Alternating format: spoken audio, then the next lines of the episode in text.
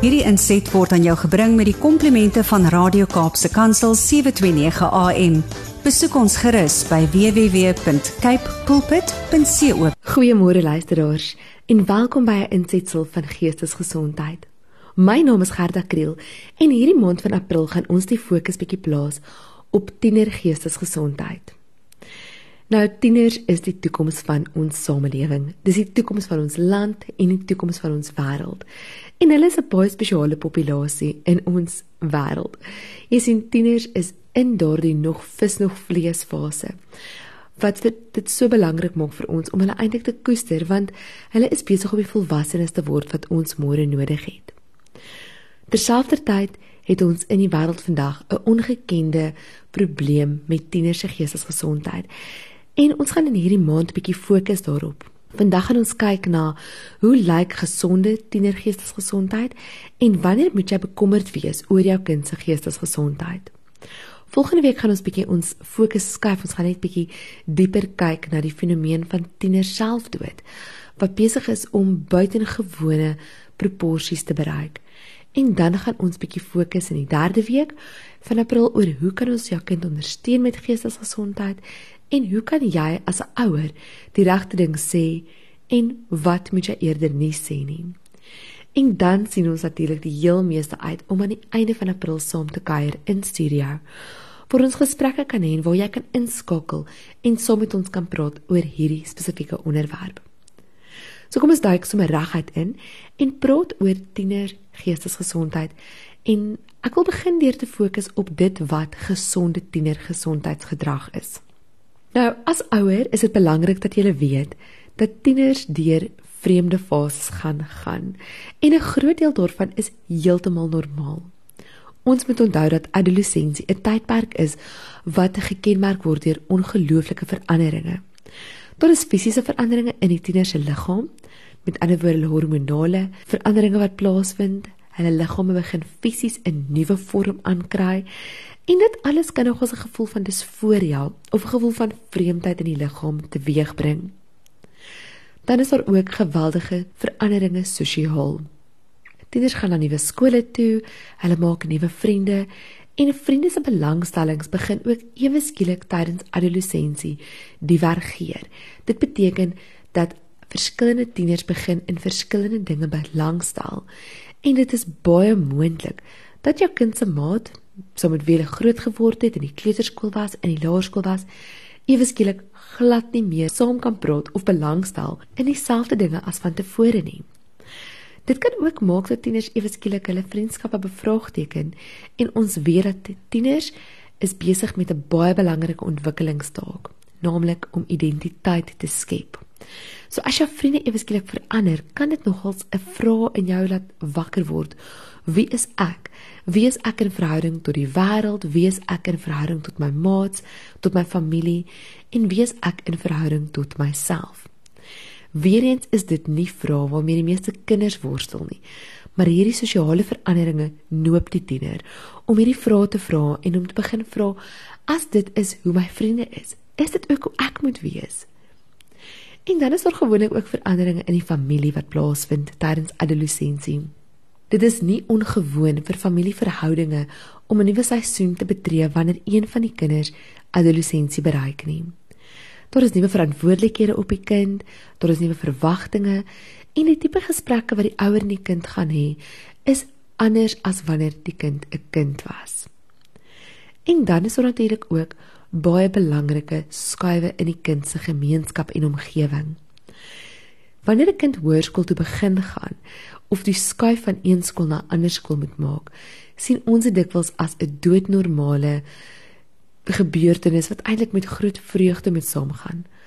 Maar navorsing wys vir ons dat die meeste tieners die oorskuif van hoërskool af as redelik traumaties ervaar. En as ons hierdie voorkennis het, ons weet dit is vir ons kinders traumaties, ons weet dit is nie vir die tiener maklik nie, dan kan ons juis dinge in plek stel om dit vir hulle 'n bietjie makliker te maak om hulle as ware regtig te buffer teen die effek wat hierdie veranderinge kan hê. Nou meeste tieners is eintlik regtig wonderlik. Die meeste van hulle het energie, hulle het lus vir dinge. En as ons dink oor adolessensie, Net as as 'n ontwikkelingstaak het ek nou reeds genoem dat die vind van identiteit ongelooflik belangrik is. So dit is 'n tyd waarin tieners dikwels nuwe belangstellings uitprobeer. Dit is nie abnormaal vir 'n tiener om dinge wat hulle van tevore geniet het vir 'n tydperk te los ten gunste van ietsie wat nuut is nie. Maar net so normaal kan dit wees vir 'n tiener om hulle te verdiep in ietsie wat hulle mee 'n lang pad stap. So kan 'n kind wat byvoorbeeld sy lewe lank nog net rugby gespeel het op laerskool, op hoërskool besluit hy wil eerder krieket probeer of hokkie. Maar dieselfde kind of 'n ander kind kan nou weer homself so verdiep dat hy weer hart en siel in sy rugby speel ingooi. Beide van hierdie kan normale fenomene wees. En ons gaan net nou 'n bietjie praat oor wanneer jou kind se belangstelling verander, dit problematies is en waarvoor jy spesifiek moet uitkyk. Dit is ook normaal vir meeste tieners om gemoedskommelinge te hê. Nou 'n gemoedskommeling wil ek net identifiseer anderster as 'n gemoedstoestand of 'n gemoedsversteuring. 'n Gemoedskommeling is daardie oomblik tot oomblik veranderinge waar jou kind vanoggend opstaan en hulle is sonskyn en 'n halfuur later is hulle buierig en kwaai. Dit is 'n doodgewone gemoedskommeling. Onthou, jou tiener se liggaam is besig om met hormone gebombardeer te word en dit is op die ontwikkelende brein regtig amper soos 'n fisiese verandering wat plaasvind. Daarom moet jy met 'n bietjie sensitiwiteit ook wees. As jou kind se gemoedskommelinge agter begin lankdurig raak en jy merk op dat hulle vir meer dae as nie reg buierig en kwaad is en teruggetrokke is of huilerig is, dan moet jy as ouer begin baie fyn oplet of daar enige ander veranderinge in jou kind se gedrag is wat jou aandag nodig het. Dit is ook normaal vir tieners om te kies dat hulle meer met hulle vriende wil tyd spandeer as met hulle ouers of met hulle familielede. Dit is 'n tydperk wanneer tieners meer buite hulle self begin beweeg. Met ander woorde, hulle vind vriende met soortgelyke of ander belangstellings. Dit is ook normaal dat tieners in hierdie tydperk begin om gesag te bevraagteken jou tiener wat nog altyd 'n baie rustige, getroue, gehoorsame kind was, sal dalk nou ewe skielik vir jou begin vra, "Maar waarom het ons hierdie reël?" of "Waarom sê jy dit?" of "Waarom sê jy dat?" En dit is belangrik vir jou om hulle toe te laat om daardie vrae te vra. As hulle die vrae vir jou by die huis vra en jy dit met warmte en met openheid gaan hanteer, gaan jou tiener met jou kom praat oor probleme. Hulle gaan met jou kom praat oor die dinge wat vir hulle moeilik is. Maar as jy die gesprek doeteenvoudig afsny, dan gaan dit vir hulle baie moeilik wees om jou toenadering te soek wanneer hulle regtig 'n probleem het. En dit is hier waar elke ouer die verantwoordelikheid het om werklik waar met hulle kind te praat oor enige ding.